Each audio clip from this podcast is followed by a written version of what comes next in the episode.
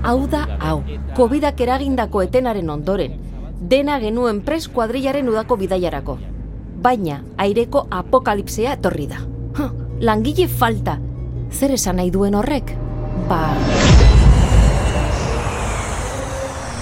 Ilarak, ilarak, eta ilarak Europako aireportu guztietan.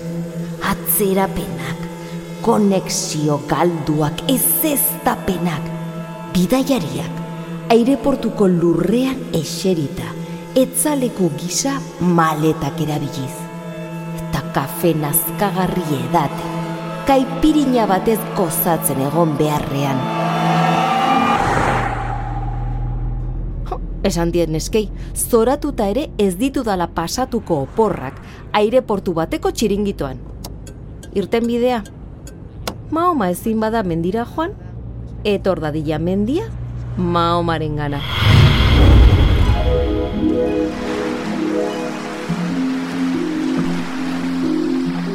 Hemen geratuko gara.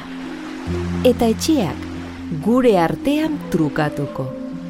Horrela etxe turistiko batean gaudela emango du.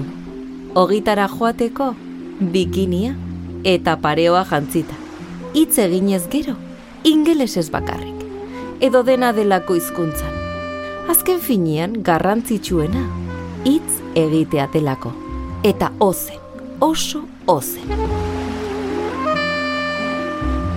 Bueltaska bat egiteko fritur batekin hobeto.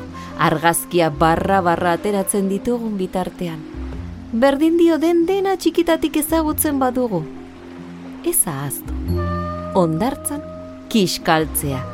Horreko saina ematen duelako beti. Eta bukatzeko.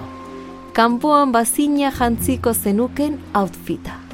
Ta terrazetara. Egon egon segundu bat. Berriz ere arazo bera. Langile eta zerbitzari falta. Eta normala da. Ea, nork nahi dituen lan jardunaldi amaigabeak. Zentzugabeko ordutegiak eta soldata barregarriak. Soldatena bide batez esan da, ez dago nork ulertu. Ze bost euro kentzen dizute kanora barik ateratako kaina batengatik. Bokaziorik eza dutela diote. Bai, hobe da, ingeniari karrera egin eta bost mila kilometrora joatea. Ai, gauzak horrela, gutako batek bere burua eskaini beharko du. Eta lanean hasi taberna batean besteak zerbitzatzeko. Edo hori, edo litroak egin. Baizu, ondo pentsatuta? Kale zurrutak, opor usaina du. Eta gaztetu egiten zaitu. Ni ama, ez aldago erreminta magikorik saltxe hauek guztia konpontzeko.